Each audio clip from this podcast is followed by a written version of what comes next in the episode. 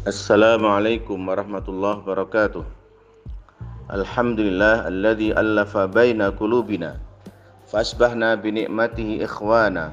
Asyhadu an la ilaha illallah wahdahu la syarikalah wa asyhadu anna sayyidana Muhammadan abduhu wa rasuluh. Allahumma salli ala Muhammad wa ala ali Muhammad wa ba'du.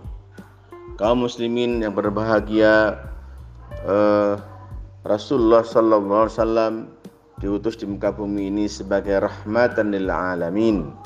Nah, proses panjang kenabian Rasulullah SAW selama 23 tahun mengajak manusia ke jalan Allah itu adalah proses sejarah yang harus kita pelajari bersama. Bahwa bahkan keyakinan Rasulullah SAW bahwa dirinya sebagai seorang Rasul itu menguat ketika beliau bertemu dengan Warokoh saat hendak mengelilingi Ka'bah mau tawaf.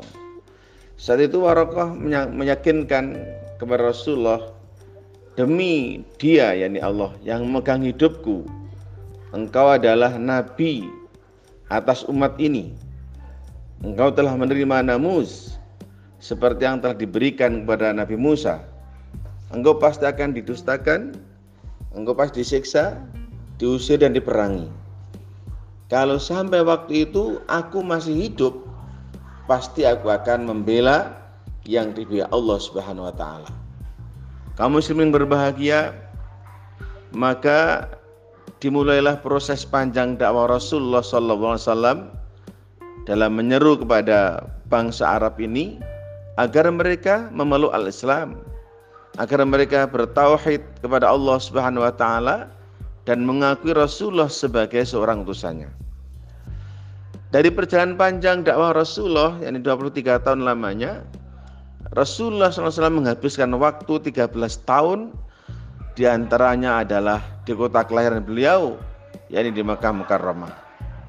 Sedangkan selama 10 tahun sisanya beliau berdakwah di Madinah Al Munawwarah.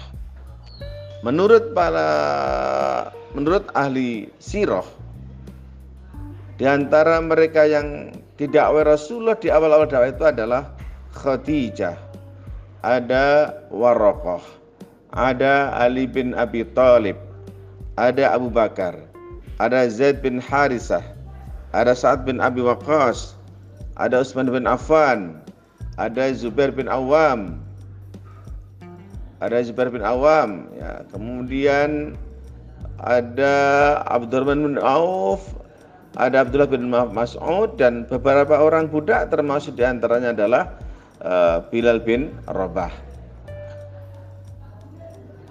Salah seorang ulama sirah, ahli sejarah, ahli sirah menyampaikan bahwa eh, pendapat yang paling populer itu menyebutkan bahwa mayoritas orang-orang yang memeluk Islam pada periode ini adalah eh, berasal dari kalangan budak dan orang fakir miskin adalah satu yang tidak benar.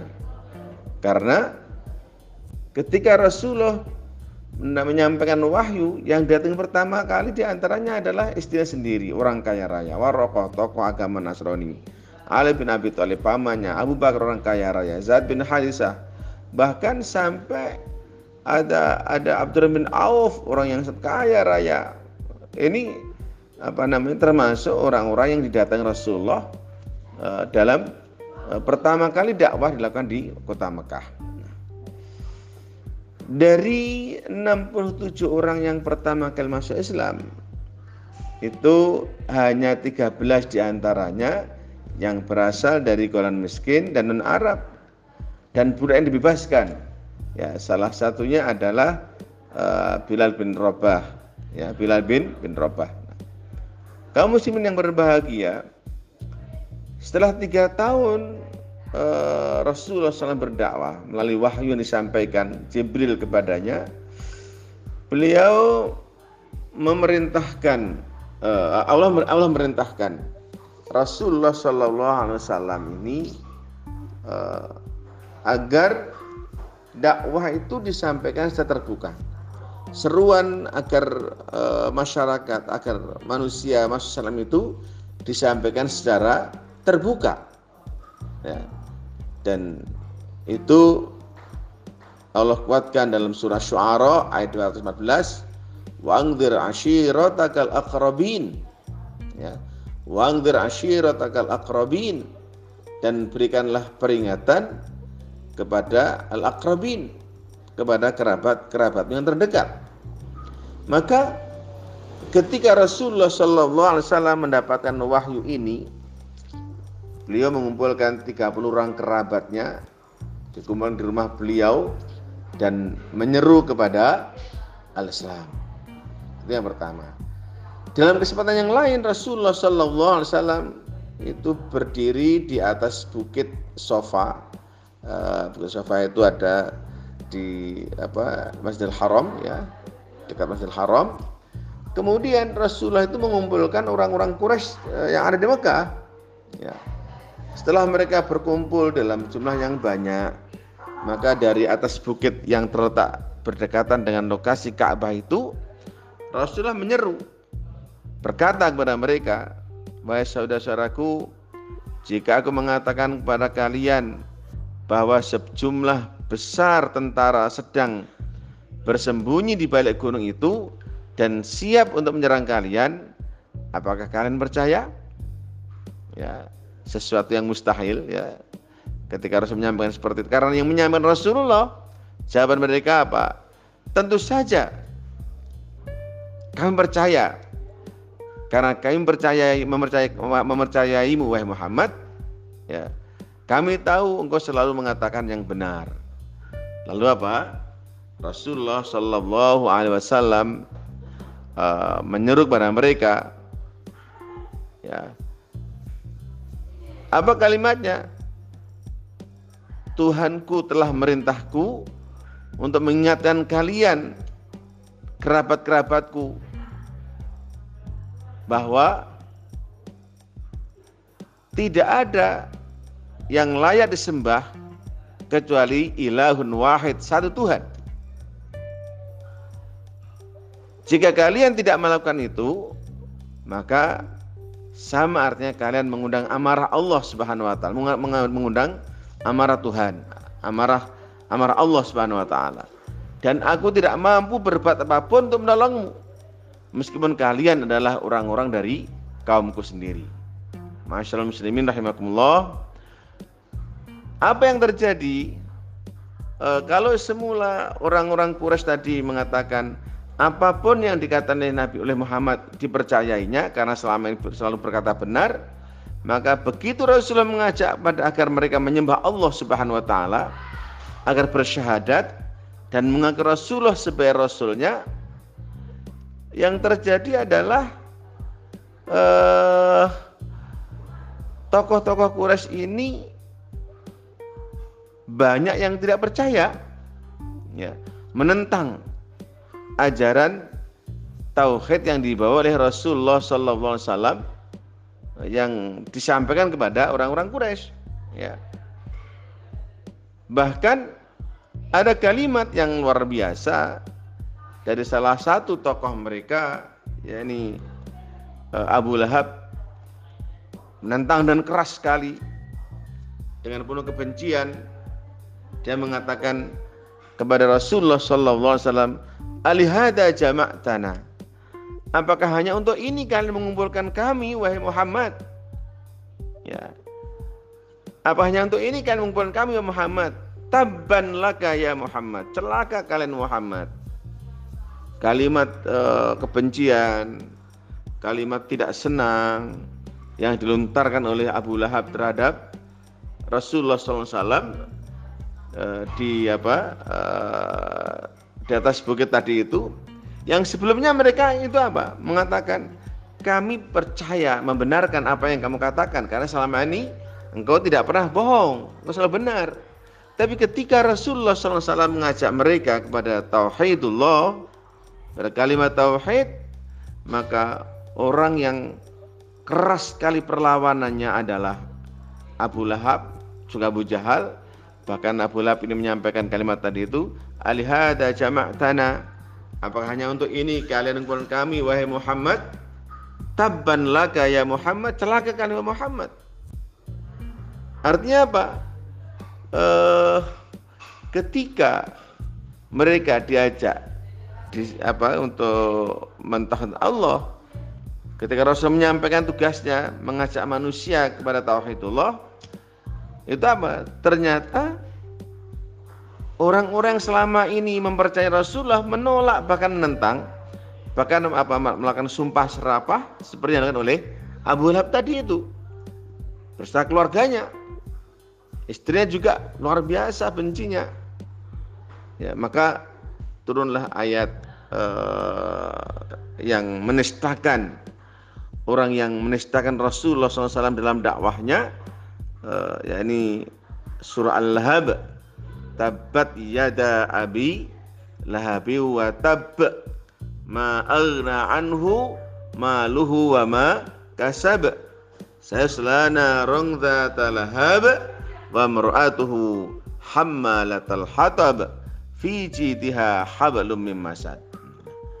Kaum muslimin rahimakumullah itu masya Allah ya Rasulullah SAW di awal-awal dakwahnya itu penentangan luar biasa. Ya. Penentangannya luar biasa. Sehingga baru mengajak kepada keluarganya, mengajak kepada orang-orang Mekah saja perlawanannya beliau dapatkan dalam bentuk yang luar biasa, penghinaan, kemudian e, perlawanan sampai dalam bentuk apa? E, caci makian kepada Rasulullah SAW karena Rasulullah mengajak kepada at-tauhid. Masyaallah muslimin rahimakumullah. Respon masyarakat Mekah terhadap dakwah Rasulullah sallallahu wasallam yang begitu keras ya. Jadi eh, setelah Rasulullah dakwah secara diam-diam, kemudian setelah terang-terangan dan diketahui oleh orang-orang Mekah ya. Eh, pada umumnya orang-orang Mekah itu belum bisa menerima dakwah Rasulullah Sallallahu Alaihi Wasallam. Ya, bahkan cenderung mereka menghadapi dengan uh, tanggapan yang tidak menyenangkan dan rintangan yang tidak ringan, ya, sehingga orang-orang Quraisy ini membuat langkah-langkah untuk menghentikan dakwah Rasulullah Sallallahu Alaihi Wasallam. Apa yang, yang dilakukan oleh orang-orang Quraisy untuk, untuk menghadang dakwah Rasulullah? Di antaranya adalah membuat fitnah, memfitnah Rasulullah Sallallahu Alaihi Wasallam dan mengatakan Muhammad adalah gila, Muhammad adalah pembohong dan ajarannya ajaran di bawahnya adalah ajaran yang sesat. Nah, itu satu. Ada lagi Eh, orang-orang uh, Quraisy ini menghasut serta mengancam Abu Talib apabila dia tidak bisa menghentikan dakwah Rasulullah Shallallahu Alaihi Wasallam. Kemudian pada suatu ketika karena mereka melobi Abu Talib agar menghentikan dakwah keponakannya uh, itu Abu Talib ketika, suatu ketika memujuk Rasulullah SAW agar bersedia menghentikan kegiatan dakwahnya. Karena banyak tokoh Quraisy yang mengancamnya bila Rasulullah SAW tidak ber, apabila Abu, Abu Talib ini apa? Tidak berhasil membujuk Nabi dan menghentikan dakwahnya. Namun sekali lagi permohonan pamannya ini tidak dikabulkan oleh Rasulullah SAW. Karena apa? Rasulullah berdakwah itu atas perintah Allah Subhanahu wa taala sehingga meskipun pamannya ini membujuknya agar agar berhenti dari dakwahnya, dakwah-dakwahnya karena Abu Talib merasa diancam oleh orang-orang Quraisy. Nah, sekali lagi kalimat yang indah yang disampaikan oleh Abu Talib kepada paman kepada keponakannya ini juga dijawab dengan kalimat-kalimat yang indah sehingga apa? Abu Talib menyampaikan lanjutkan kalau begitu ya. Kemudian ada juga orang Quraisy menghentikan dakwah Rasulullah itu melalui pendekatan jalur kekeluargaan Di sana ada Abu Jahal, Abu Sofyan sebagai perwakilan dari keluarga eh, apa namanya kerabatnya mendatangi Abu Talib. Di antaranya mereka berkata, ya jadi Abu Sofyan dan, dan, Abu Jahal itu apa, melalui perwakilan menjadi wakil dari orang-orang Quraisy di Mekah mendatangi keluarga Rasulullah di salah satu Abu Talib. Dia berkata wahai Abu Talib kamu sudah tua. Kamu harus menjaga dirimu. Jangan membela Muhammad. Jika ini tetap kamu lakukan terus maka keluarga kita akan terpecah belah sekali lagi langkah ini juga tidak membuahkan hasil. Lantaran apa? Semangat dan tekad Rasulullah SAW begitu kuat. Meskipun harus apa? Bertaruh, bertaruh nyawa. Eh, uh, atau juga lagi ada yang dilakukan orang-orang Quraisy itu di antaranya adalah membujuk dan menawarkan pemuda yang sebaya dengan Rasulullah SAW yang bernama adalah Amrah ibn Walid. Uh, mereka ini berkata, Wahai Abu Talib, bagaimana kalau Muhammad saya tukar dengan pemuda ini? Peliharalah orang ini dan serahkan Muhammad kepada kami untuk kami bunuh. Ya, apa reaksi Abu Talib? Ketika Abu Talib mendapatkan tawaran yang menghina, yang yang hina seperti ini, Abu Talib marah luar biasa. Memberikan pembelaan kepada Rasulullah luar biasa pembelaannya Kalimatnya apa? Wahai orang-orang kasar.